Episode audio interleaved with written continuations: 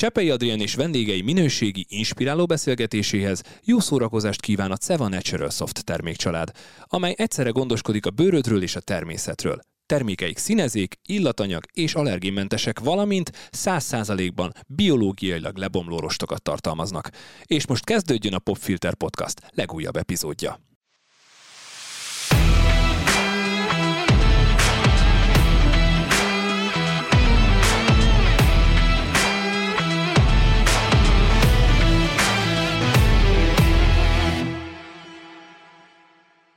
Szeretettel köszöntöm a Popfilter hallgatóit és a VMN olvasóit. Én Csepei Adrien vagyok. Egy nagyon-nagyon rég várt vendégül itt a stúdióban. Szirtes Tamást köszöntöm, aki a Madár Színház igazgatója, színház rendező. Nagyon köszönöm a meghívást, igazán örömmel és kíváncsian jöttem. Hát nem tudom kettőnk közül ki a kíváncsibb akkor, és el is kell árulnom rögtön az elején, hogy Hú, ez nagyon jól hangzik. Azt hiszem, ha lenne ilyen típusú önéletrajzom beleírnám, hogy én, én, engem egyszer rendezett a Szirtes Tamás. Komolyan? hát, jó amikor dolgoztunk együtt a Pályacsúcs című ja, műsorban. Igen, igen. Na, szóval a kisbetűs rész azért egy kicsit máshogy hangzik, tehát műsorvezetőként, beugró műsorvezetőként dolgoztam egy olyan... És maga nagyon jó volt, megmentette azokat az adásokat, és nekem egy jó emlék ezt ki fogom vágni, és végtelenítve fogom hallgatni.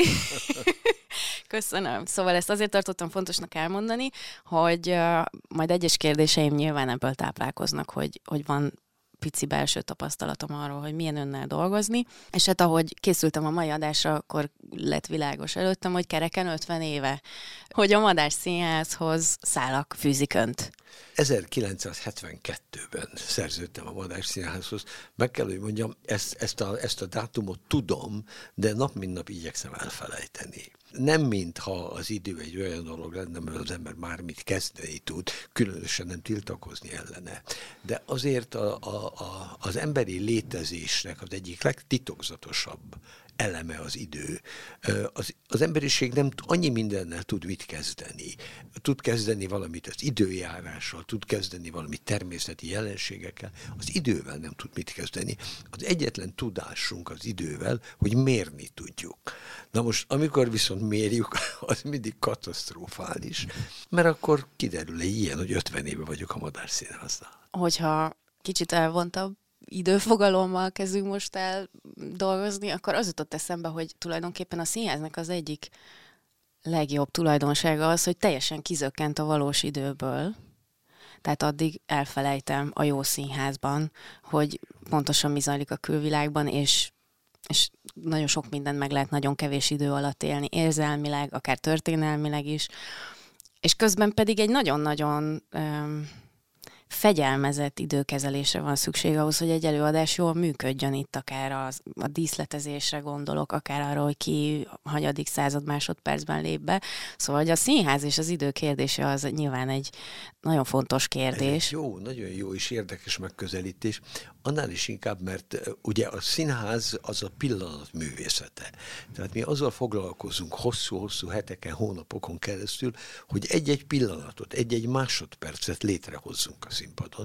Tehát amikor egy kitüntetett másodperc van, akkor minden, a színpadon minden, fény, hang, mozgás, zene, arra az egy másodpercre fókuszáljon rá, hogy az a pillanat maradéktalan és tökéletes legyen tulajdonképpen ez, a, ez, a, ez az a különleges dolog, ami csak a színház tud.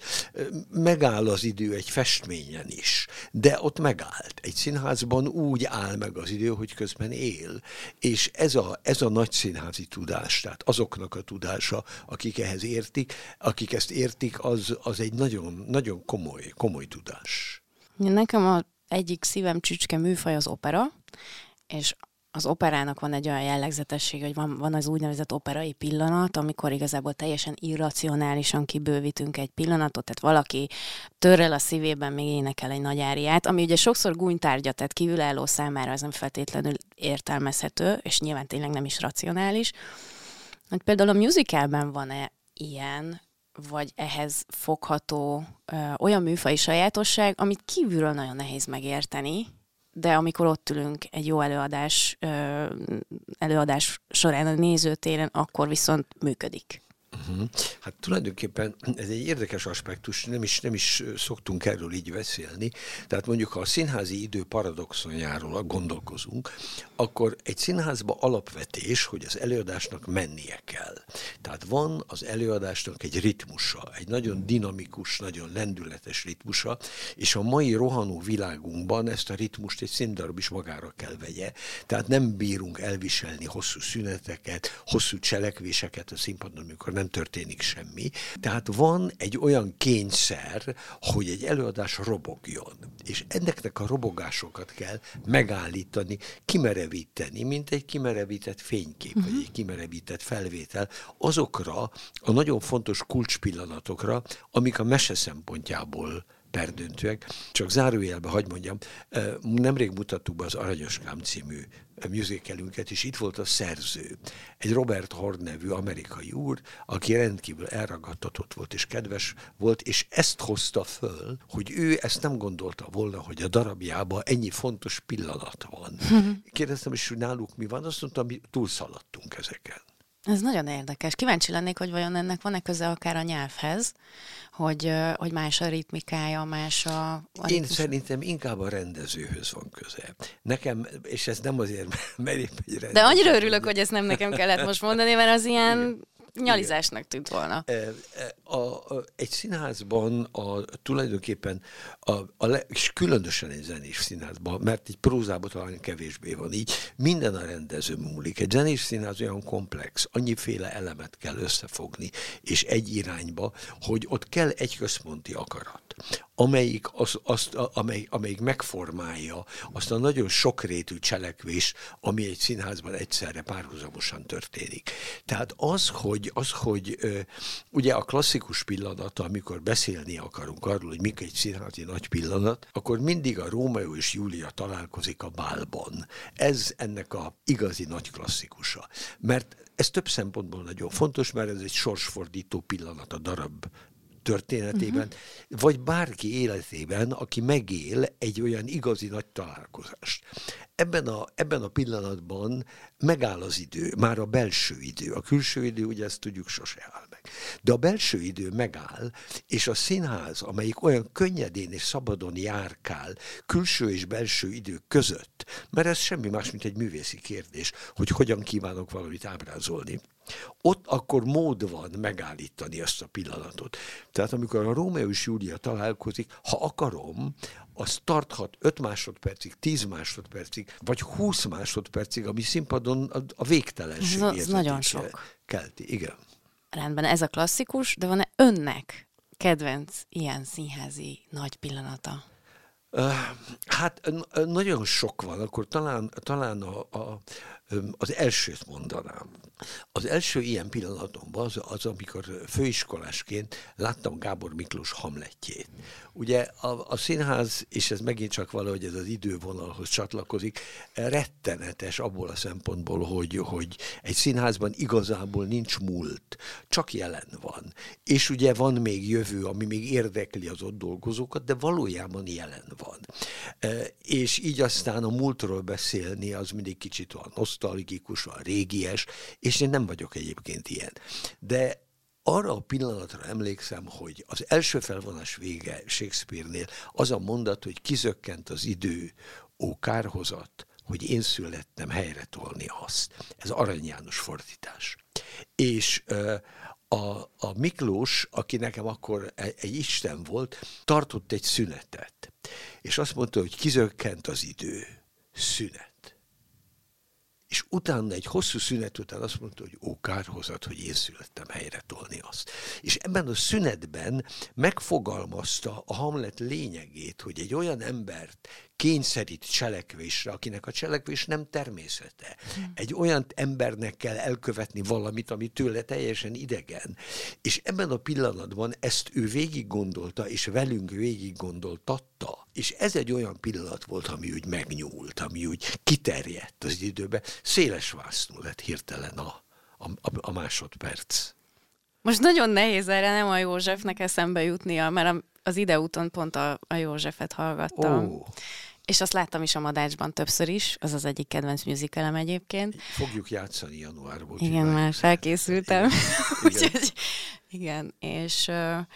És akkor egyébként adja is magát a következő kérdésem, mert Dián Dorival a szerkesztőmmel arról beszélgettünk, hogy az vajon hol dől el, hogy amikor Magyarországra érkezik egy darab, akkor uh, magyarul fogjuk-e hallani a dalokat, vagy nem. Most nyilván arról beszélünk, hogy egészen más, amikor jön egy Mamma Mia, ahol a dalok köré épül a musical, ugye ez nyilván egy másik alműfaj, vagy mondjuk megérkezik egy Webber musical, ahol szinte egyértelmű, hogy magyarul fog minden történni ez megint csak egy színházi szabadság. Tehát lehet dönteni úgy, hogy a darabok eredeti nyelven mennek.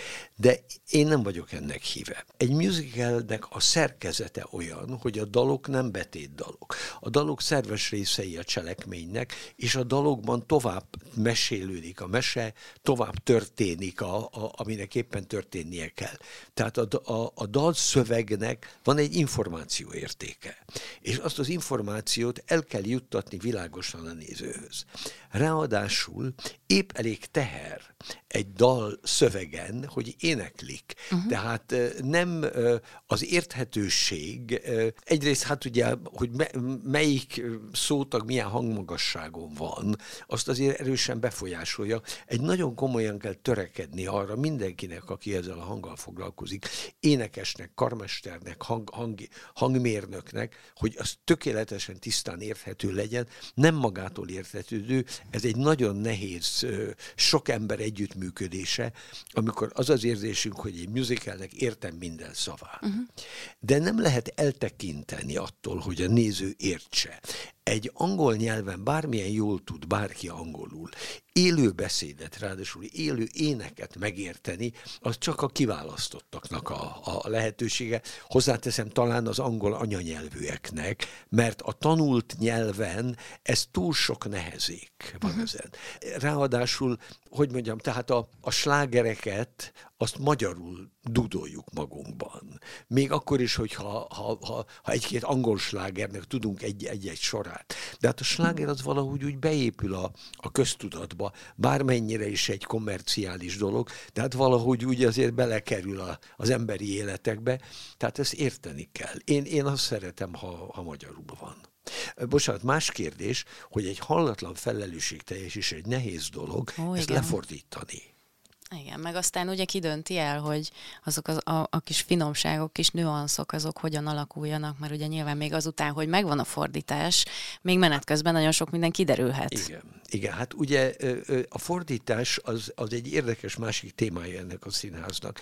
Én, én rendkívül sok időt töltök mindig a fordítással, fordítóval és fordítással, mert azt gondolom, hogy, hogy minden azon múlik, hogy mi a kimondott szó, először is, hogy fedje az eredeti szónak a jelentését. Uh-huh. Különösen egy zenés darabba, és különösen ugye egy, a, egy, a nyelvek alapvetően különböznek. Az angol, angol rengeteg egytagú szóból áll, és az egytagú szavaknak nagyon sok jelentésük van.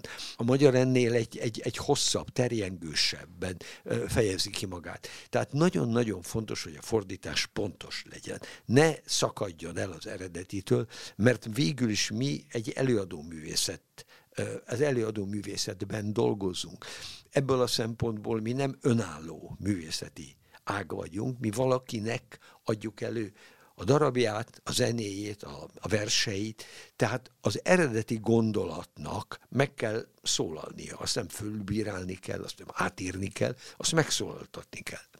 Ez egy nagy és nehéz munka, amíg a fordítás megszületik. Most egy dal esetében utána oda kerül egy zenei vezető elé, aki a prozódiát nézi, aki nézi pontosan, hogy azok a zenei hosszak, a nyolcadok, a tizenhatodok, a, ami, azok pontosan ugyanúgy vannak megszólal-e. Tehát magyar nyelven is ennek jó ritmusban kell megszólalnia. Ez a mi előkészítő szakaszunknak egy hosszú része. Hát és akkor ugye még ott van az is, hogy a, a musical az egy, szerintem egy nagyon friss műfaj, olyan értelemben, hogy nagyon gyorsan leköveti, hogy mi zajlik a világban, és ez azt is jelenti, hogy meg kell azokat a kulturális referenciákat is vagy őrizni, vagy találni itthon, amivel érthetővé válik egy, egy szöveg. És azt gondolom, vagy hát nem tudom, ez laikusként gondolom, hogy van olyan, tehát mondjuk egy Hamilton-t nagyon nehéz lenne magyarra átültetni, főként azért, mert nem tudjuk, hogy miről szól. Utána olvashatunk, de nekünk nem azt tanítják általános iskolában, ami ott a színpadon elhangzik.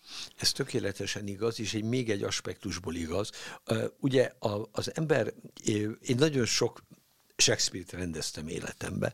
Nekem tulajdonképpen a, a, a nagy tanulás, amin a színházat megtanultam, vagy megértettem, ameddig sikerült eljutnom ebbe, a, ebbe, az igazából a Shakespeare darabokon keresztül történt, és az a felismerésen keresztül, amikor először jártam a Globe színházba. Ugye Londonba hosszú idő után, ez egy óriási teljesítmény volt, megnyílt a Globe színház tökéletes rekonstrukcióba döbbenetes élmény belépni oda, mert ugye az ember azt látja, hogy a földszinten hát nem tudom pontosan, de talán ezres nagyságrendben van állóhely. Hmm. És a kiválasztottak távol a színpadtól egy ilyen karéba, egy faóban, ez az ötödik Henrikben így nevezi, hogy egy faó, egy fából készült óbetű, ez, ez a színház, de az, a földszinten állók, és erről ő sokat beszél, földszint állóknak nevezi, az volt az olcsó hely. Uh-huh. Az volt a tanulatlanoknak, a műveletlenek, kétkezi munkásoknak, a parasztoknak, a,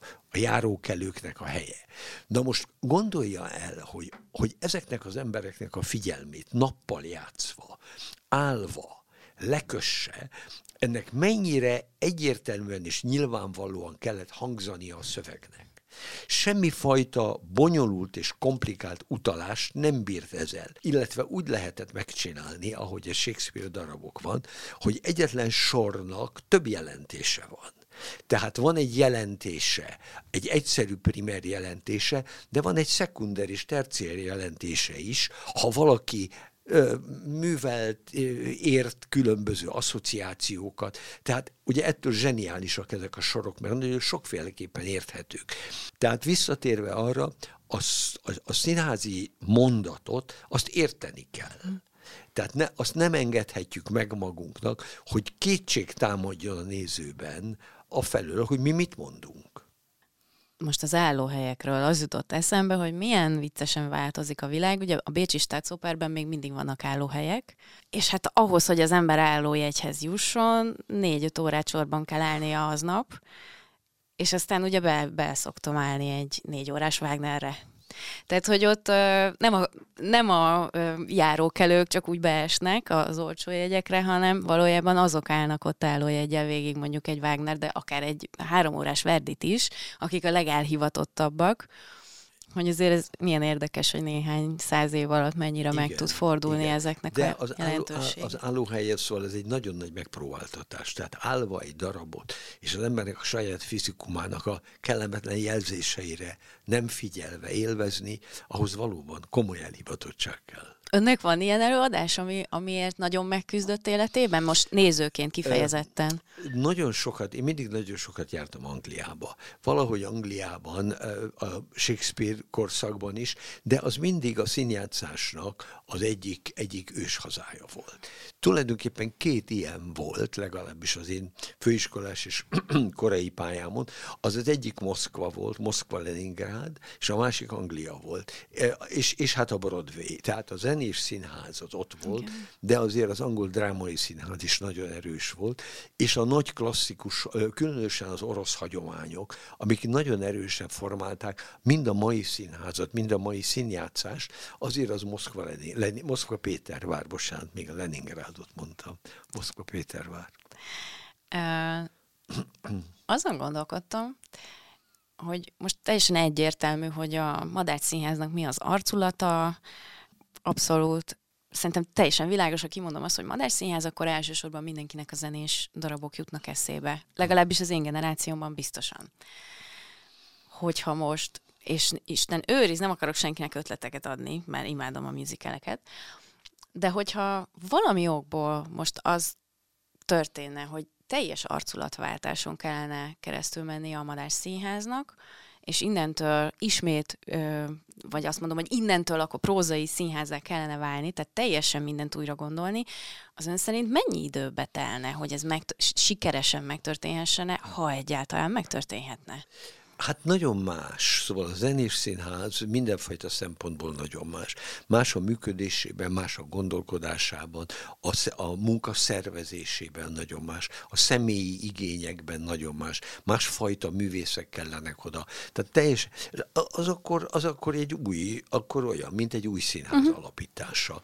Bizonyos területek nyilván áttehetők, tehát olyan műszaki kiszolgáló személyzet, az, az nyilván az meg tudja csinálni a prózát is, és a zenést is, de ami a művészi részét, a szervezési részét és a szellemi összefogást, az tökéletesen más. És mondjuk, hogy néz ki ez egy színész életében? Mert ugye vannak, akik kifejezetten mindig is muzikál színészek szerettek volna lenni, tehát tudatosan erre készülnek, és vannak olyan színészek is, akik ugyan prózai színészként végeztek, vagy főként a, aként dolgoznak, de időről időre szerepelnek zenés darabokban arra vagyok kíváncsi, hogy mondjuk rendezői vagy, vagy színház igazgatói szemmel mit tesz valakit jó musical színészé? Hát elsősorban a képzettsége. Szóval azért ezek, ezek tanulhatók, ó, na, kétségkívül komoly adottságok kellenek, uh-huh. komoly fizikai adottságok, a hang, az egész hangrendszere, a fizikuma, a, a, a, az izomzata, a, az izületei, tehát egy táncosnak, vagy egy, egy tánchoz szokott embernek azért nagyon mások. Egy énekesnek a teljes torok és hangbeállításai, a hangszálai, ezek, ezek olyan fizikai adottságok, amik, amik kellenek hozzá, és hát nagyon fontos a képzés azok, akik zenés színházban játszanak, azoknak felfokozott a terhelésük. Először is a fizikai, tökéletes állapot az egy mindennapos követelmény tőlük. Olyan komoly fizikai megterhelés végigjátszani egy két és fél órán keresztül egy zenés főszerepet, hogy az, az csak egy sportteljesítményhez mérhető. És hát tanulni kell ezt. Tehát tanulni kell az egyetemi évek alatt, és végig, és onnantól kezdve aztán végig. Tehát ezek a, ezek a, ezek a művészek, ezek úgy élnek, mint a versenysportolók. Hm.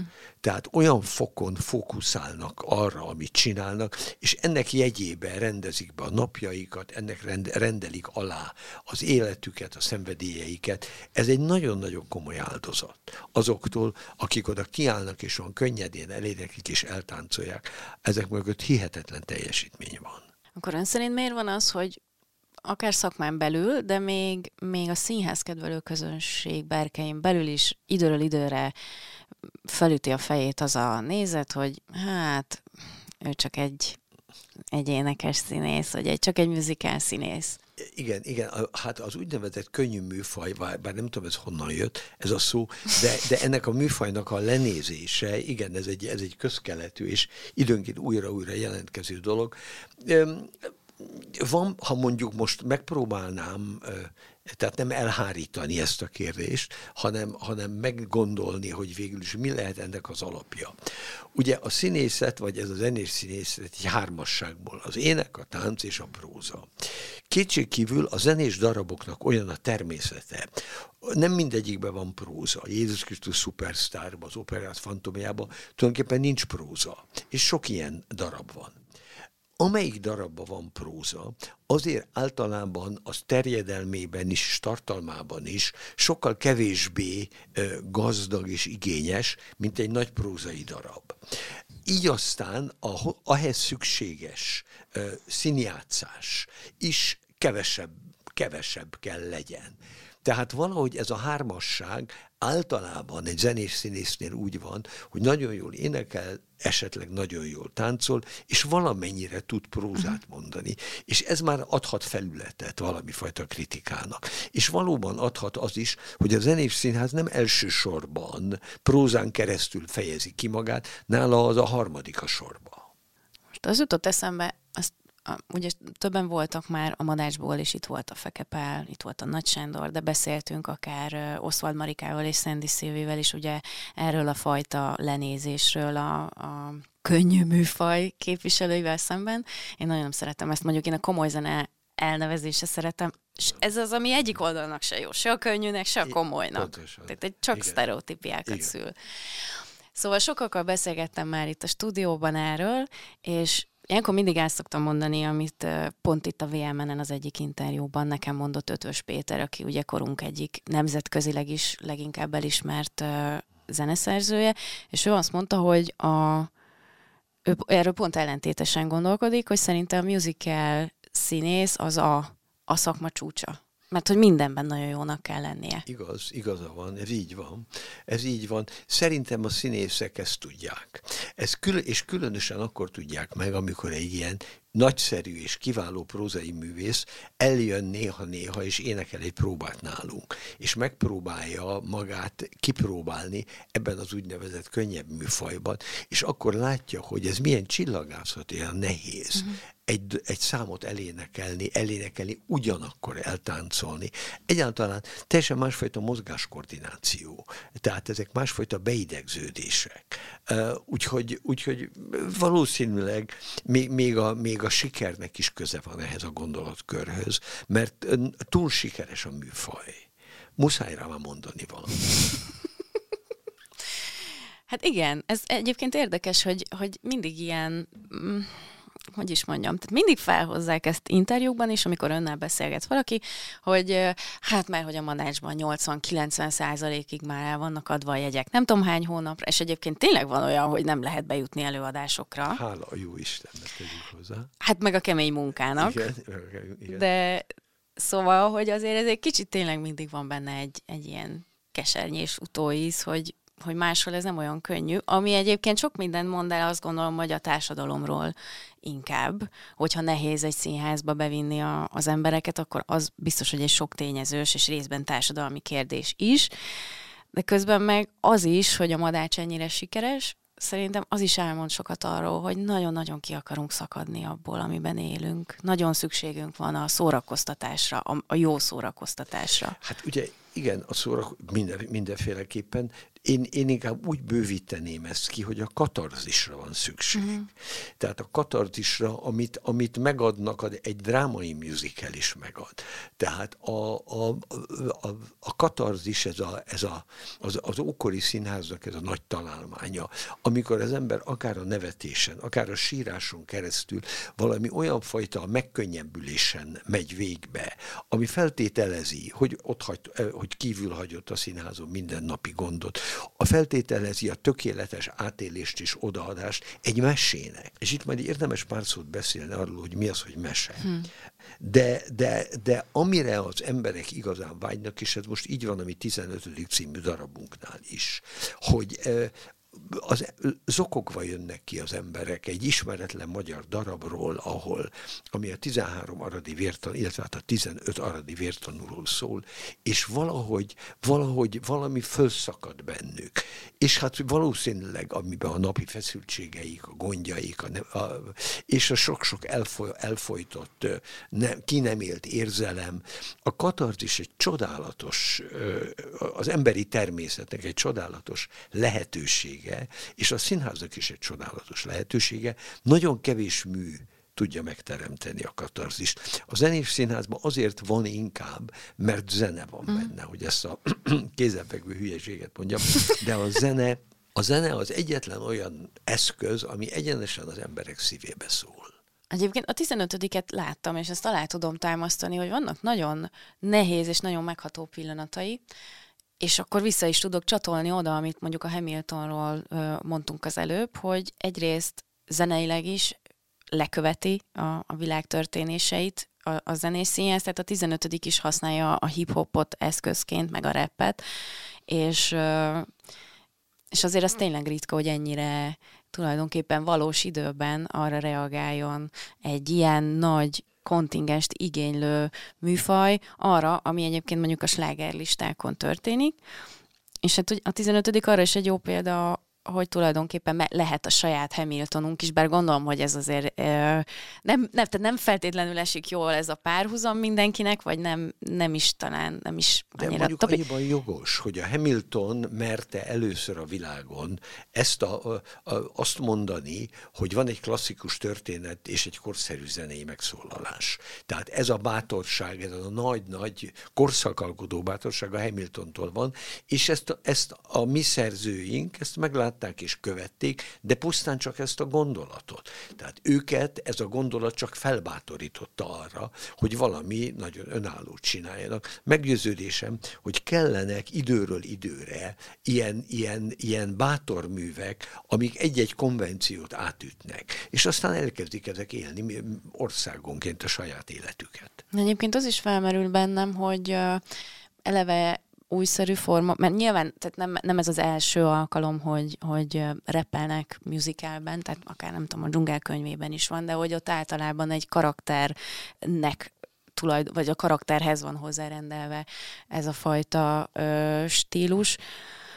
De hogy az is fölmerül bennem egyébként ennek a darabnak a kapcsán, hogy ma Magyarországon mennyire kockázatos történelmi témához nyúlni, úgyhogy ez ne legyen megosztó.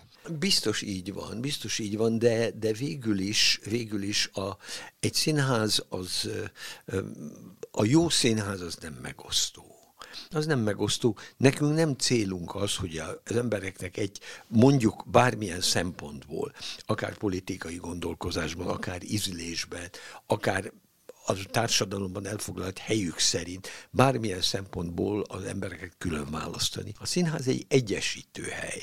Az, azért, az arra van, hogy a Madács esetében 800 ember, aki bejön oda esténként, a társadalom legkülönbözőbb pontjáról, az azt az egy mesét nézze, amit mi ott előadunk, azt élje át, velünk nevessen, velünk sírjon. A színház egy olvasztó tégely. Tehát azok a jó színdarabok, független a témájától vagy a tartalmától, amik erre képesek, amik képesek e- egységesíteni a 800 darab egyéniséget, arra a három órára tökéletesen egy egyforma, egyforma dolog iránt érdeklődő, gondolkodó és érző közösségé változtatni.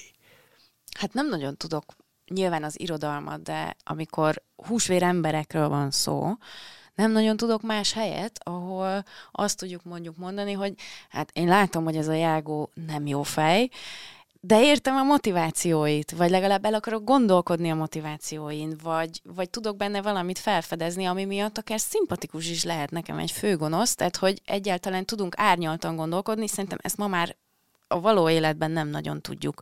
Hogy mit gondol, hogy tud ebben segíteni még 2022-ben a színház, hogy egy picit legalább megpróbáljunk a való életben is máshogy gondolkodni? A színház hatása, és itt mondjuk itt a saját tapasztalataim nem stimmelnek, mert én nagyon szakmai szempontból nézem mindig a színházat. Uh-huh. De, de azt gondolom, hogy a színház hatása ö, ö, nem közvetlen. Az emberek számára nem közvetlen, és azért elsősorban érzelmi hatás ter, az igazán jó az értelmi és érzelmi hatás egyszerre, ha azt el tudja ér, érni egy színházi előadás. Az érzelmi hatásban a zene nagyon nagy segítségre van. A zene azért az átsegíti az embereket mindenfajta gondolkodás, gondolkodásbeli döccenőn, mert az érzelem olyan fokon vezet akkor minket egy zenében, a, az, egy, az, egy, az egy nagyon komoly, nagyon, nagyon komoly iránytű. Nyilván az embereknek, a 800, az iménti 800 embernek a konkrét problémáira egy színház nem ad ö, megoldást. De az általa eljátszott mese és a mesében megmutatott szituációk, probléma megoldások, modellek, azok lehetnek olyanok, különböző időszakokban, amik, amik, amik az embereknek eszükbe jutnak, amik modellként szolgálnak. Mm. Régen ugye azt mondták, hogy, hogy, hogy a, a filmek, amikor a film, tehát a 30-as években, amikor a film igazán népszerű volt, hogy a, hogy a filmek tanították meg az embereket viselkedni, szeretni, élni, tehát azokat a modelleket követte a világ, ahogy ezek a hollywoodi sztárok, ahogy rágyújtottak egy cigarettára, ahogy megcsókolták egy. Én még mindig azt várom, hogy így udvaroljanak.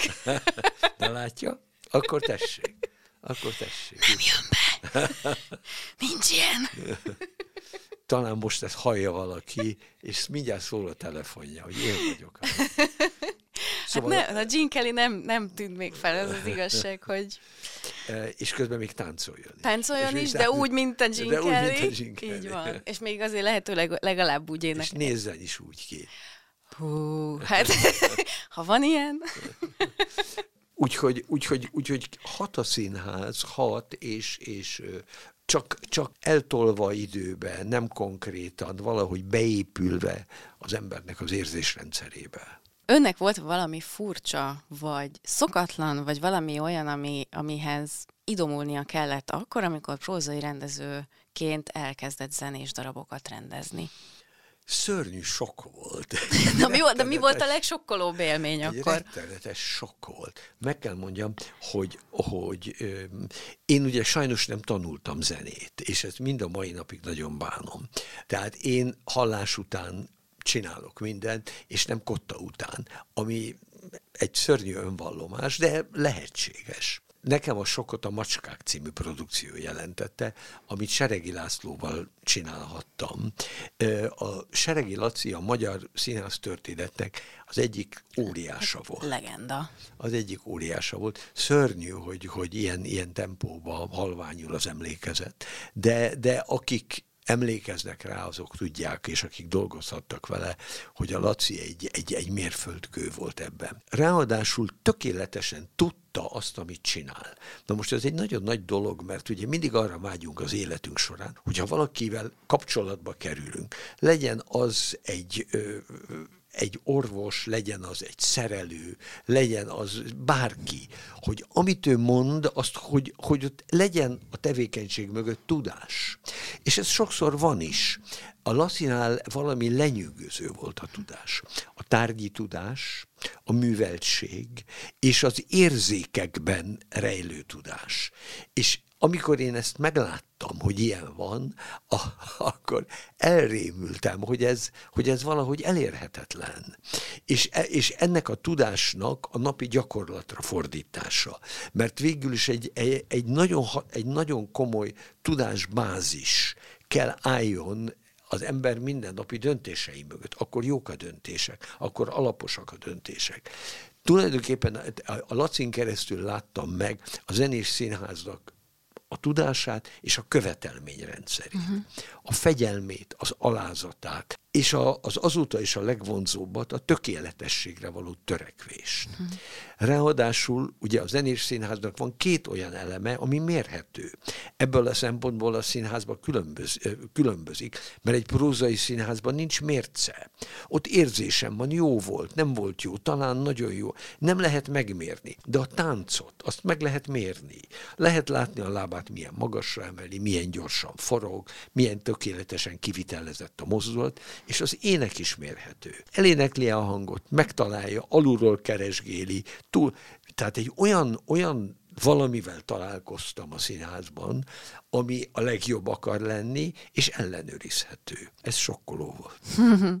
Mást kell -e nyújtania egy musical színésznek ma, mint mondjuk 20-30 évvel ezelőtt. Most itt kifejezetten arra irányul a kérdés, hogy például opera énekesek közül nagyon sokan elmondják, a világ legjobbjai közül többen mondták nekem ezt az utóbbi időben, hogy nagyon erősen átalakította azt, ahogy az opera énekesekről, vagy akár a castingról gondolkodunk, az, hogy nagyon sok élő közvetítés fut a mozikban, illetve a különböző streaming felületeken is, tehát, hogy közelről látjuk mondjuk a, az arcukat, esztétikailag, megjelenésben színészi játékban nagyon sok mindenben alakul az, ahogyan elvárunk dolgokat a, a színészektől. Például a musical műfajára hagyott-e vagy műfaján hagyott-e ez bármiféle lenyomatot, vagy, vagy akár más szempontok szerint változott-e, hogy mi kell ma és mi kellett húsz éve? A musical ebből a szempontból azt hiszem talán kevesebbet változott, mert az mi, ott, ott az alapkövetelmények mindig nyilvánvalóak voltak. Az imént említett Gene Kelly, a, aki az Ének az esőben, azt hiszem talán az egy 20-30 éves film. Abban olyan csodálatosan táncol, énekel és játszik, hogy ennél senki sem kívánhat ma se jobbat. Tehát ők, ők mindjárt a kezdet-kezdetén a műfaj nagyon magasra tette a mércét. Az opera egy jó példa erre, mert az opera, ugye, ahogy régen mondtuk, a lefurt lábú színészet, az, az, az, az, az nem... Ugye még a zenés színházon belül is megvannak ezek. Még ott is megvannak. Tehát egy opera énekestől senki se követelte, hogy miközben egy ünnepelt nagy áriát énekel, hogy menjen arrébb. Uh-huh. Különösen nem követelte, hogy szaladjon. De az se, hogy egy emeletnyi lépcsőn miközben énekel lejöjjön, vagy visszamenjen. Közben a legkülönbözőbb cselekvéseket csinálja meg az éneklés az egy nagy szent dolog volt, ó, minden el volt hesegetve a környékéről, hogy ő csak tisztán álljon és énekeljen. Hát ez, ez drámaian megváltozott. Tehát a modern operajátszás az fizikai cselekvésekben szinte annyit vár el, mint egy film, Igen. vagy mint egy prózai szín. Ez egy óriási változás. A prózai színészeknél is abból a szempontból nagy változás van, hogy, hogy maga az előbb mondta, hogy nagyon sokan és szívesen jönnek a zenés műfajban. Tehát, hogy az ének tudásuk, az a bizonyos adottságból való alaptudás, az nem elég. Tehát ahhoz, hogy valaki egy prózai színész valóban egy zenés darabban megállja a helyét, annak bizony énekorákra kell menni, hang, hangját folyamatosan karban tartani, tehát hozott nagyon sok mindent, talán a legkevesebbet a, a, a musicalben tört, változás történt. Sokszor hallom azt, amit nem igazán tudok értelmezni, de tényleg gyakran hangzik el, amikor valakit én így random embereket szoktam random előadásokra invitálni, és aztán vagy bevállalják, vagy nem, de aki nem vállalja be, azt szoktam mondani, hát én nem szeretem a musicalt. Ami egy annyira általános és általánosító kijelentés, hogy én ezt, ezzel nem tudok mit kezdeni, mert hát milyen musicalt nem szeretsz. Van ön szerint olyan általánosság, ami megfogalmazható arra vonatkozóan, hogy mitől jó egy, vagy milyen a jó musical, vagy mitől jó egy musical? Hát ezt maga nagyon jól mondta az előbb, hogy a musical rendkívül változékony. A, a musical sikerének több titka van, de az egyik titka pont a változékonyságában van. Hogy nagyon nehéz bármilyen, bár, nagyon nehéz bármilyen kategóriába besorolni. Ez egy nagy gyűjtő fogalom ez a musical, és a legkülönbözőbb dolgokat foglalja magába, amik tulajdonképpen nem is, nem is összetartozók. A musical a változékonysága nyomán a tematikájában is nagyon gyorsan cserél témát. Ugye zajlott a vietnámi háború, megszületett a HER. A, ahogy bármilyen fajta technikai újítás van a világon, az már egy perc múlva látható is a színpadon. Tehát nagyon, nagyon, nagyon a, a, a vizualitás rendkívül erőteljes igénye a musical műfajának, sokkal inkább, sokkal inkább, mint a próza. Tehát egy nagyon komplex dolog. Uh-huh. Na most azok az emberek, akik azt mondják, hogy nem szeretik a musicalt, és megint meg akarom érteni, és meg akarom érteni őket, hogy miért, az valószínűleg azért mondják, mert kétségtelenül nem tud olyan mélyen és olyan rétegzetten meg, megoldani, föltárni, vagy, ki, vagy kifejezni egy-egy emberi problémát, mint egy próza. Uh-huh. Pontosan azért, mert, nagyon so, mert ez, a, ez egy nagyon színes, szőttes ez a musical. De lehet, hogy ebben a színes szőttesben pont a próza, illetve az emberi lélek mélységei egy, egy kicsit háttérbe szorulnak. Tehát aki kifejezetten egy ilyen nagyon ö, gondolatgazdag, elemző prózai előadásra vágyik, az a musicalben nem találja meg. Akkor újra ugye fel kell tennem a kérdést, hogy van-e olyan, ami a jó musicalnek az ismérve, ami általánosan minden típusú, stílusú, korszakban játszódó, stb. stb. musicalre áll. Hát nehezen, én, én, hogy mondjam, én nem, én nem homogén fogalomnak tartom a, a, a musicalt. Az is bizonyítja ezt, hogy a castingokon, ugye minden darabnál castingokat tartunk, teljesen másfajta követelmény van a színészekkel szemben az egyik musicalben, mint a másikba. Csodálatosan alkalmas valaki az operáz fantomjának, a főszerepének a el, eléneklésére, és teljesen alkalmatlan az azt követő darabban, ahol a hangsúly teljesen máson van vagy ahol az ének stílus nagyon más, nagyon divatosak most azok a fajta műzikelek, ahol a rock ének a, a, a, egy alapkövetelmény, ahol egy rock tenornak kellett, kell, és egy romantikus tenor az nem jó hozzá. Uh-huh. Tehát így, hogy, hogy, hogy mik azok, így, így nehéz rá válaszolni. Természetesen olyan zene kell hozzá, olyan mese kell hozzá, de, de én, én egy nagyon színes dolognak látom a musicalt. Változatosnak és színesnek akkor felteszem azt az utálatos kérdést is, hogy létezik-e olyan, és most nem a színre vitáról beszélek, hanem addig, amíg megvan a szövegkönyv, és a, a, a darab, és a dalok, és minden, tehát az elvont darabfogalom értelmében létezik-e olyan, hogy tökéletes musical, és ha igen, akkor ön szerint melyek az, vagy melyek azok? Hát voltak, voltak olyan musicalek, és vannak olyanok, amik nagyon, ö, ö, amik nagyon soká élnek. Tehát azért ezek a musical, a musical egy nagyon sikeres műfaj a világon. Rendkívül nehéz létrehozni, de ha sikere van, akkor az, az világméretű. Uh-huh. Tehát nagyon-nagyon sokan törekszenek arra, hogy jó musicalt írjanak, és nagyon keveseknek sikerül. Tehát tömegével teremnek évről évre musicalek, és szinte felejtődnek el abban a pillanatban. Nagyon sok a fércmű benne, és nagyon-nagyon kevés az igazi mű. Hosszú ideje most már nem is jött talán a Hamilton volt az utolsó, ami, de hát annak is már 5-8, nem tudom hány éve, uh-huh. hogy ezt bemutatták. Tehát nagy, a világban sem született olyan mű, ami úgy végig söpört volna a világot, mint a Jézus Krisztus Superstar, vagy a Phantom, vagy a Mamma Mia. Tehát a, a, nagyon várjuk a, a, a kor musicaljét, amelyik ezt, a, amelyik ezt a rettenetes, zavaros és félelmekkel és szorongásokkal teli kort, amiben élünk, ezt úgy kifejezi, ami mesét talál, vagy mesét ad hozzá.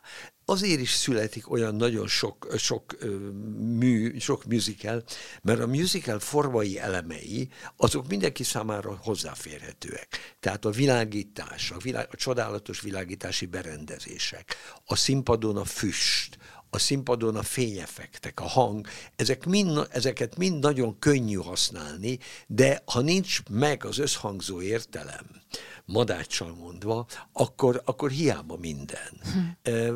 Várjuk, várjuk, én is várom nagyon a, a, a születendő nagy musicalt. Hogyha innentől örökké minden évben egyetlen egy darabot rendezhetne, mindig ugyanazt a darabot, és mindig máshogy kellene megrendezni, akkor melyik darabot választaná? Nem muszáj, hogy zenés darab legyen.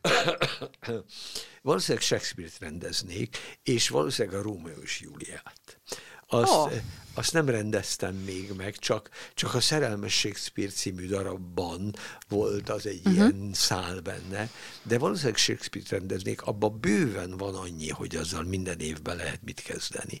Annak a, azt nagyon sokféleképpen meg lehet rendezni, miközben valójában csak egyféleképpen. De azzal szívesen elszórakoznék. Érdekesen, de nem gondoltam, hogy pont a Rómeó és Júlia inkább akkor már valami királydráma, vagy nem is tudom. Engem, engem a királydrámák nem értek el. Megvan a címünk, ez ilyen jól hangzik.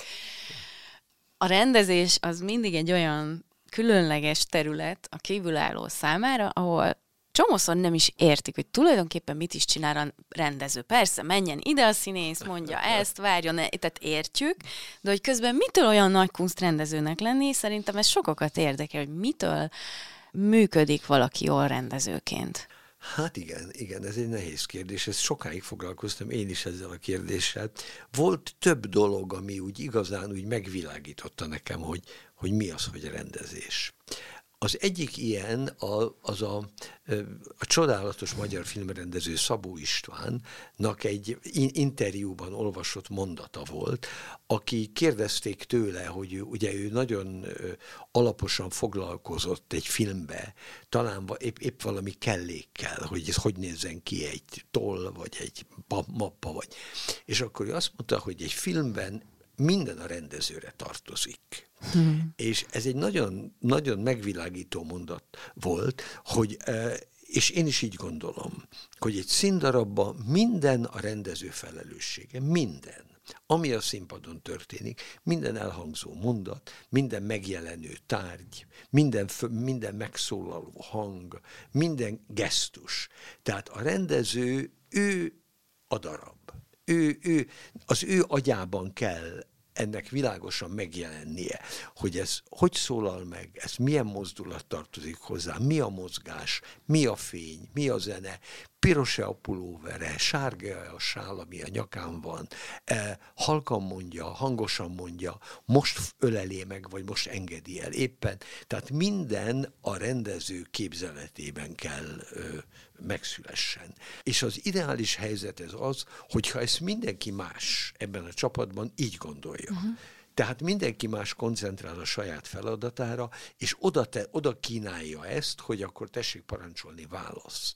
A, színhá, a színésznek is egy nagy-nagy nyitott könyvnek kell lenni, tele mindenféle gondolatokkal és nyitottsággal, és azt, mint ahogy egy karmester megteremti az összhangzatot egy zenekarban, úgy kell ezt az összhangzatot megteremteni fény, hang, színészet, mozgás, jelmez, díszlet között.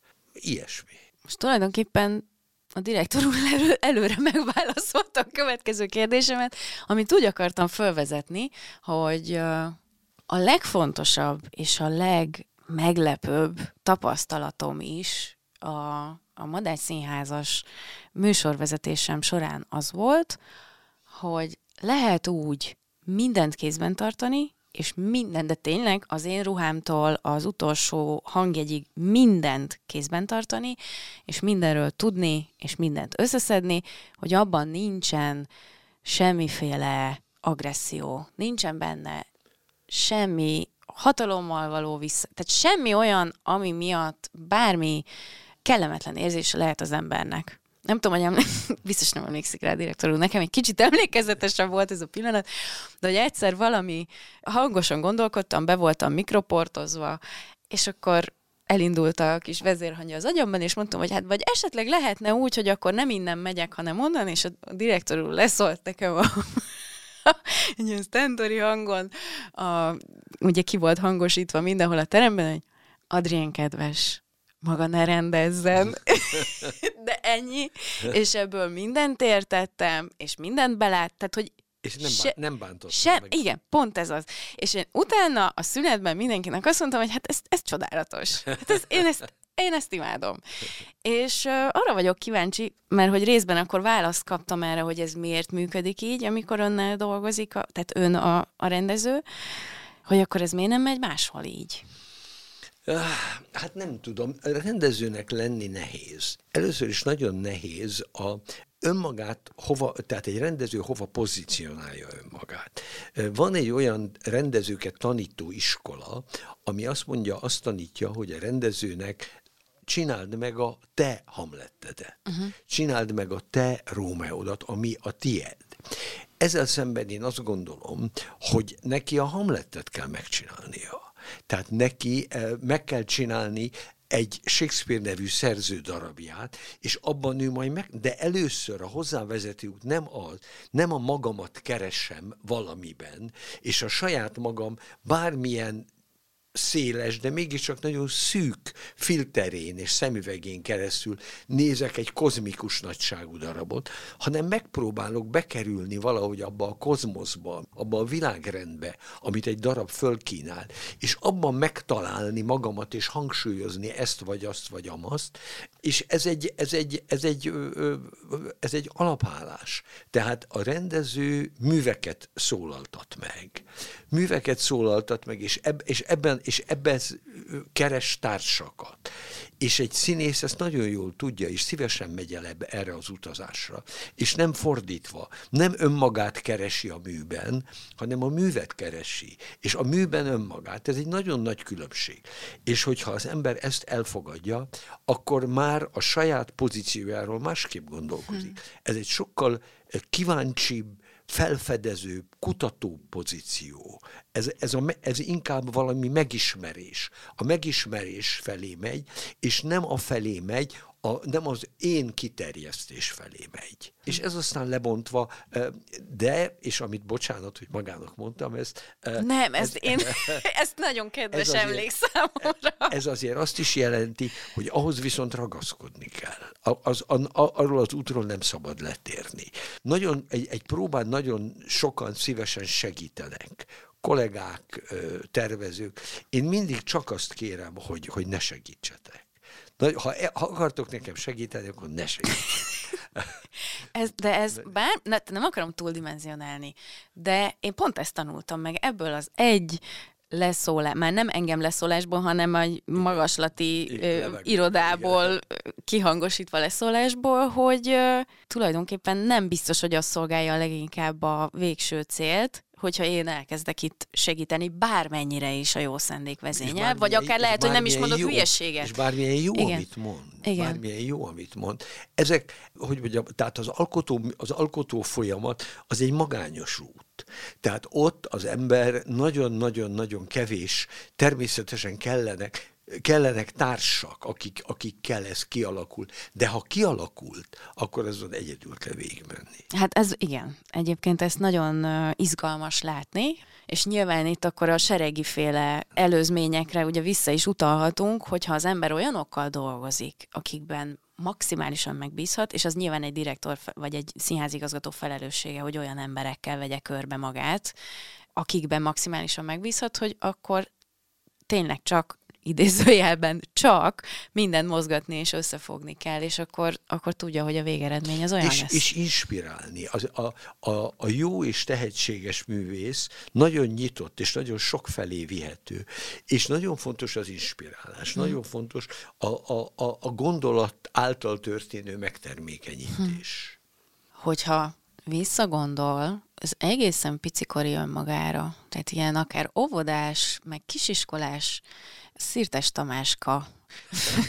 ez nagyon viccesen hangzott ezt kimondani, de hogy tényleg a picikori önmagára visszagondol, fel tud-e bármi olyat idézni, ami előrevetítette azt, hogy ön milyen pályát fog befutni, vagy hogy ez lesz az ön útja? Igen, igen, igen. Én ezt, én ezt talán már elmondtam. É, az én édesapám, aki nagyon fiatalon meghalt, én 14 mm. éves voltam, amikor ő meghalt, ő egy nagyon sikeres filmgyártás vezető volt. És az én gyerekkoromat a filmgyárba töltöttem, mind a mai napig a filmgyártól megdobban a szívem.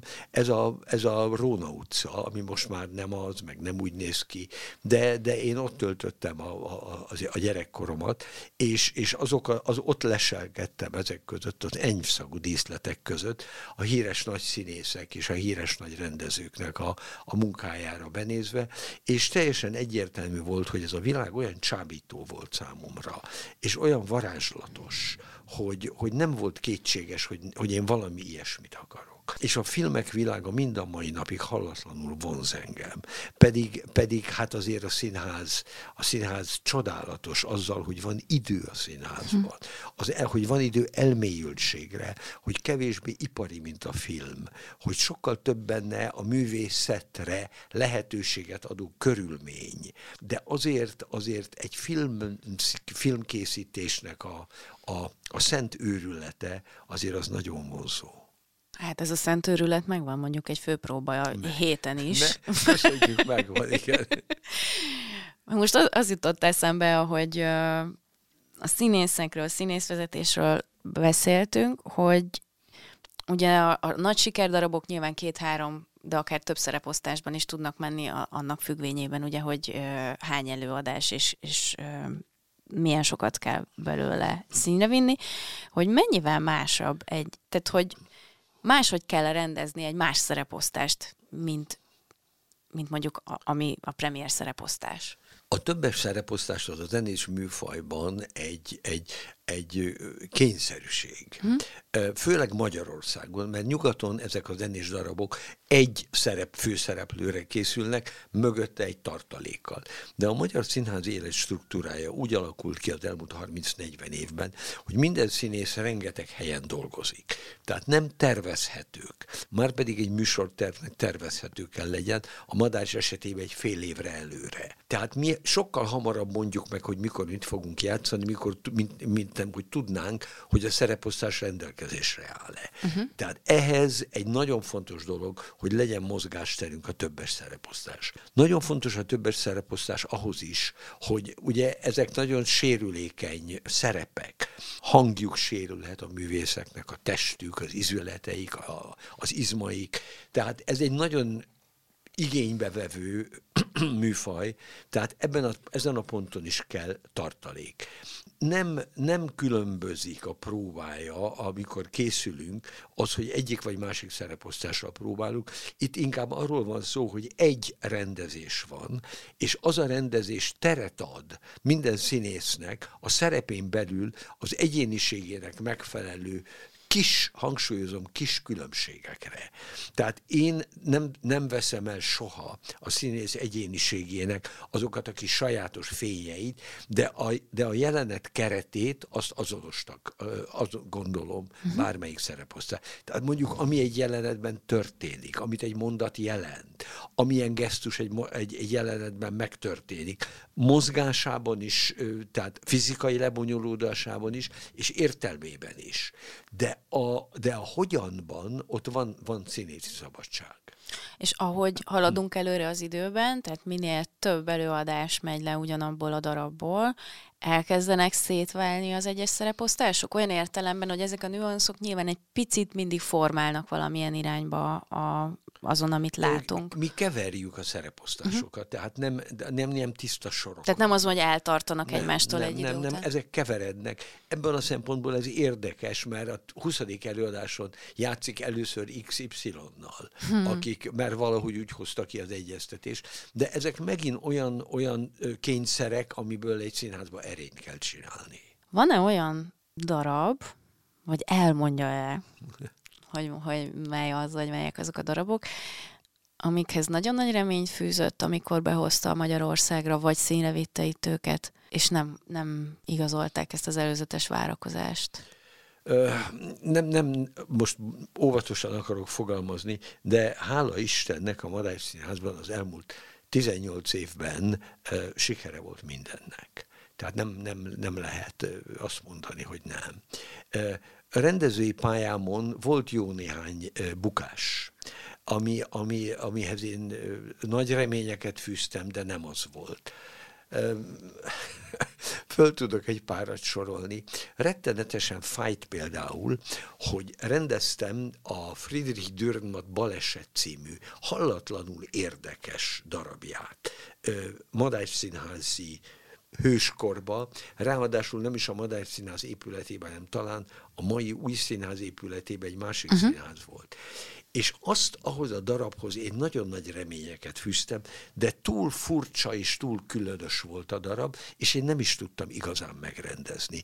Egy, az akkor egy olyan nagyon sajátos hang volt, a groteszknek, a, a, a szokatlannak valami olyan furcsa hangja, színházi hangja volt, amire sem a társulat nem volt vevő, sem a színészek nem jöttek velem, és a közösség pedig egyértelműen elutasította. Ez mondjuk egy ilyen egy ilyen szép nemes bukás. De önben nincsen sértettség. Nem, nem azt érzem a hangjából, hogy nem, egyáltalán, ezek nagyon, a hülyék nem, nem értették. Nem, nem, nem, nem. A, a, a, én, egy rendezőhöz hozzátartozik, hogy fölismerje a kort, az ízlést, a közhangulatot. Tehát e, egy, egy rendezői döntés, hogy mikor mit akarok rendezni, azt nem szabad szembe mennie. Meg azt is, hogy hol, milyen színházban. Azért a színházaknak vannak speciális közönségei. A mi közönségünk ehhez mit szól? E, ezzel, ezzel, ezzel, mindig, ezzel mindig gondolni kell. Az, amit itt eddig elmondott ön a, a zenés színházról, és ami talán nem is feltétlenül egyértelmű a, a színházba járó közönség számára, hogy micsoda infrastruktúra van mögötte, mennyi embernek a milyen finoman összehangolt munkája az, hogy tényleg minden időben minden kellék, fény, mindenki ott legyen. Tehát iszonyatosan összetett maga a próba folyamat is, meg egy előadás is. Ez rengeteg hiva lehetőséget hordoz magában, tehát ha, ha, ha valahol esély van arra, hogy valami elromlik, akkor az a zenés színház mi volt az a pillanat rendezőként, vagy akár igazgatóként, amikor valami olyan történt, hogy, hogy hirtelen nem tudta, hogy ezt, ezt most hogy lehet megoldani, vagy most mit, mit lehet ilyenkor csinálni? Igen, volt ilyen pillanat. Az Operász Fantónia 2003-as bemutatója volt ez. Oh. Három darab, három bemutatót tartottunk, mert hármas szereposztás volt, pénteken, szombaton és vasárnap. És szombaton jött Andrew Lloyd Webber megnézni. Ez, amiről beszélek, ez pénteken történt. Én ugye a nézőtéren, ez egy hall akkoriban, és mind a mai napig, ez egy nagyon komplikált díszlet. Kentaurnak egy nagyszerű díszlet, uh-huh. egy csodálatos díszlete, a százszorosan nehezebb volt, mint ahhoz, ami műszakunk hozzászokott addig. Tehát százszorosan komplikált volt. Hozzáteszem, nem voltak olyan gépezeteink, nem voltak olyan kifinomult gép, mint ma, tehát technikailag uh-huh. sem álltunk ilyen jól. És ö, én a nézőtéren néztem, bemutató volt, és elindult, és ment, és ment, és ment, és a talán a negyedik jelenet után, ahol pontosan tudtam, hogy is most összecsapódik a függöny, és azt mondjuk, hogy 1, 2, 3, 4, 5, 6, 7, 8, 5, 6, 7, 8, és fölmegy a függöny. Uh-huh. És nem ment föl. és nem ment föl a függöny, és megint még mindig nem ment, és aztán se nem ment. Hogy mondjam, és nem ment. És akkor a Szerednyei Béla, aki a darabban egy igazgatót játszott, kijött olyan óvatosan a színház elé, a függöny elé, és azt mondta, hogy kedves közönségünk, a, a, én, mint a színház igazgatója, most meghívnám önöket egy, egy pohár peskőre a büfébe. Mondta, hát én 150 évet öregettem ebben a pillanatban. A, a, a közönség úgy nevetgélt, de bejött a nézőtéri világítás, és úgy lassan kimentek. És akkor kiderült, én hátra rohantam, eh, kiderült, hogy valamiért egy falaminek föl kellett mennie, nem ment föl. És az előadás nem tudott folytatni. Úristen. Nem tudott kimenni a díszlet, ami az előző képben volt. Aztán rájöttünk, hogy ez egy banális kis hiba volt, mert el, el, mindegy. Egy 20 percig tartott, akkor megjavították és akkor már kicsit szemtelenebbek voltunk, és a Béla visszajött, és, a Béla, és azt mondta Béla, de jó, hogy visszajöttek, már, már nagy volt a szánk, akkor most folytatódjon az előadás.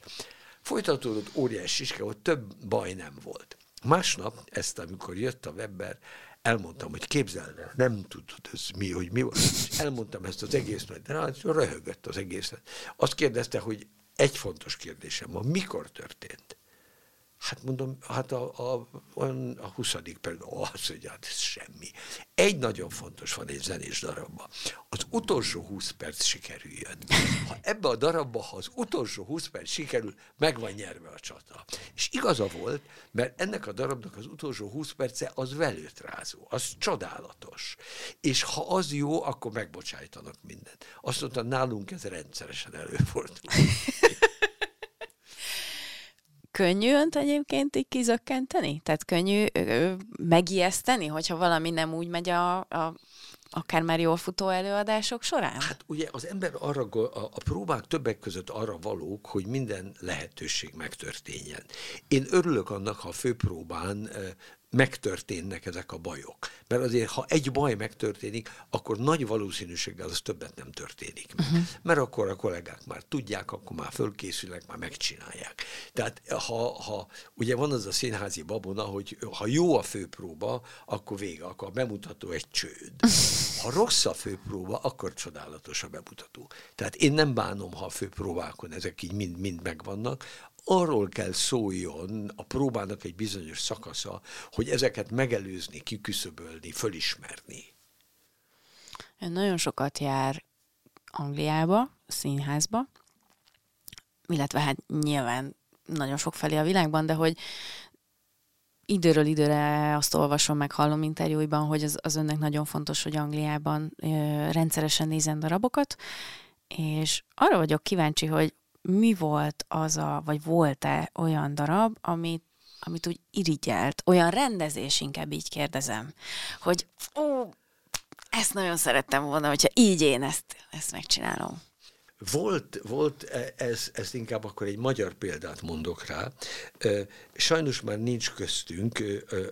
Nekem rendező kollégám és barátom volt Kerény uh-huh. Imre, és az Imre egy zseniális rendező volt zseniális rendező volt. Azt kell mondjam, aztán ő utána hogy elunta a rendezést, és ugye elment távol a színháztól, de neki volt két-három olyan rendezése, amire azt mondtam, hogy ezt szerettem volna, ha én így meg tudom csinálni. Ilyen volt a főiskolán az ő vizsgaelőadása, az volt a cím, hogy Fekete Opera, nem ismert darab. Ilyen volt egy Gyurkovics Tibor által írt darab, aminek az volt a cím, hogy Isten nem szerencsejátékos. Ezekben olyan rendezői megoldások voltak, ráadásul Magyarországon, magyar körülmények között, amit, amit, amit irigykedve néztem. Irigykedve szoktam nézni Stratfordban a Royal Shakespeare company bizonyos előadásait. Ott láttam egy olyan makrancos hölgyet, ami, ami egyszerűen páratlan volt, és láttam egy olyan ötödik Henriket, ami, amire minden mai napig nagyon jól emlékszem. Az ötödik Henrik az egy ilyen heraldikákból volt. Az angol heraldika az különben is csodálatos, tehát az angol címertan, uh-huh. és valahogy ezek a, ezek a címerekből volt az egész kép meg, megfestve, és ez, ez gyönyörű volt. Úgyhogy egy, volt, volt egy ilyen pillanat, amikor láttam, nem tudom sajnos a színész nevét, egy harmadik Richardot, a harmadik Richard első megjelenése az, az valami egész fantasztikus volt. Tehát vannak ilyen rendezői pillanatok, amik úgy bevésődnek az ember agyába. Itthon is volt, ott is volt. És milyen érzés, amikor önhöz esetleg, vagy nem tudom, oda mernek-e menni fiatal kollégák, és azt mondani, hogy nekem annyira sokat jelentett önnek ez vagy az a rendezése, hogy én emiatt e, irigy vagyok, vagy szerettem volna ezt én rendezni, vagy akár emiatt mentem a pályára. Vannak ilyenek, vannak rendkívüli hízelgők és nagyon megtisztelőek, amikor ilyesmivel találkozik az ember. A, Hát ne, nem tudom, az végül is a, a, igazgatói beosztásban dolgozom most már lassan 20 éve a Madár Színházban. E, az igazgatónak lenni nagyon jó, de az emberhez nagyon kevés dolog jut el. Egy igazgatónak egyrészt bizonyos dolgokat nem mondanak neki, más dolgoktól nem azért, mert megkimélik, hanem valahogy úgy nem jut el hozzá. Tehát én, én a, a, a, a a véleményeket a munkámról, azt nagyon kevés embertől kapom. De, de, de, de kapom, tehát van, tehát ha mondjuk ebben a kérdésben az volt, hogy milyen visszajelzése van az embernek a saját tevékenységéről, a legnagyobb és legerősebb és legspontánabb az a nézői visszajelzés.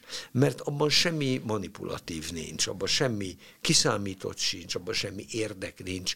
Egy néző egy jó esetben az olyan, mint egy gyerek. És so, nagyon sokat nézem az előadásaimat, előadásaimban a nézőteret bizonyos pontokon. És ott lehet látni, hogy milyen gyerekként adják át magukat, sírnak, nevetnek, jelen vannak. Az egy nagyon, nagyon erős visszajelzés. És az is, hogyha valaki azt mondja, hogy, hogy én a macskákat láttam még gyerekként, és most hozom a gyerekemet, és ott vagyunk, és e, ezt kapják születésnapjukra. Hmm.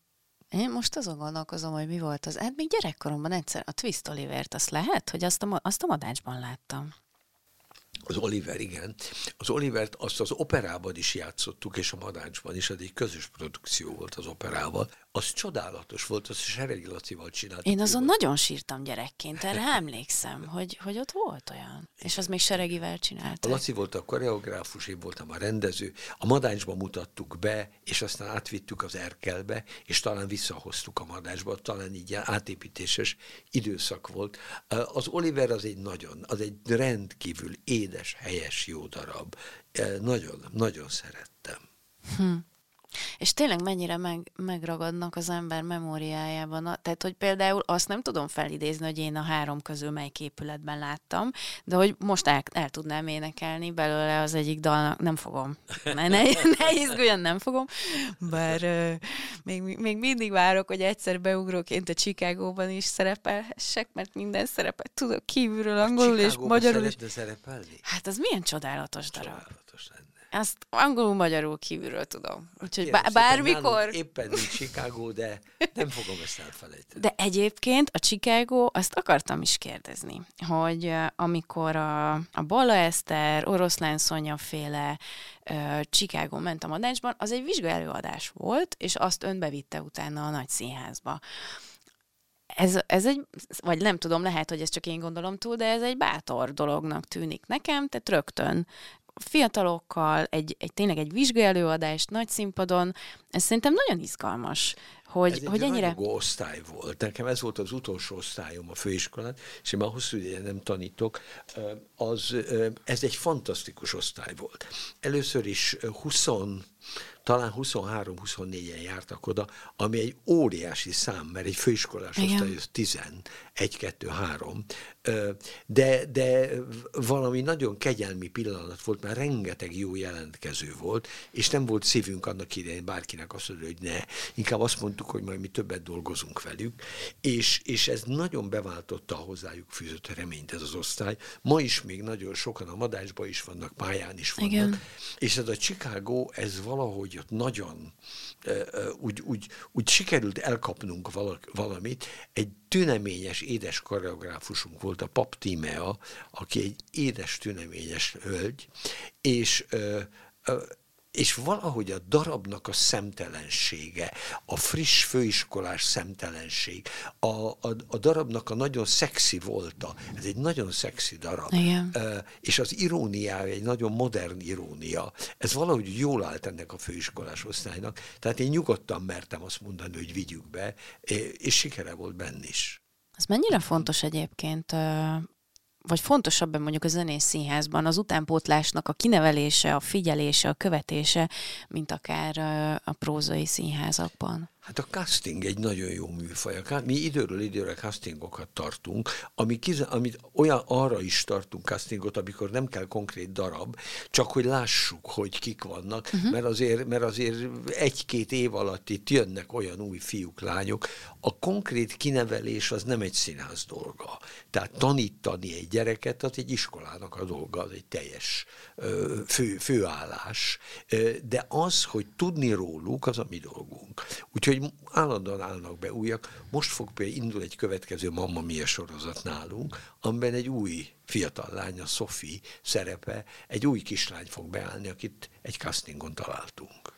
Mennyire könnyen szokja meg az ilyen korszakváltásokat a közönség? Tehát, hogyha tehát én magamról tudom, a Józsefet már nem tudom hányszor láttam, ö, azért megyek egy adott szereposztásra, vagy egy adott szereplőt azért szeretnék újra látni, mert nagyon tetszett, vagy épp azért megyek a másikra, mert nagyon kíváncsi vagyok.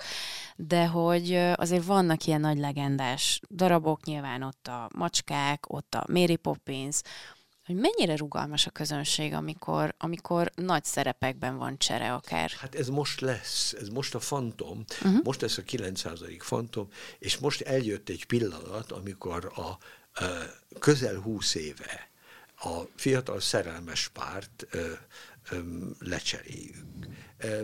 És lesz három új Krisztin és két új Raúl. Ez egy nagyon-nagyon fájdalmas dolog. Nekem is, nekik is. Tehát azért ez egy, ez egy komoly, komoly búcsú. Ez mhm. mindenkinek az élete része, mindenkinek a pályája jelentős része, de egyszerűen nem lehet mit csinálni, mert a szerepeknek életkoruk van, és egy bizonyos ponton túl ezt, ezt nem lehet húzni.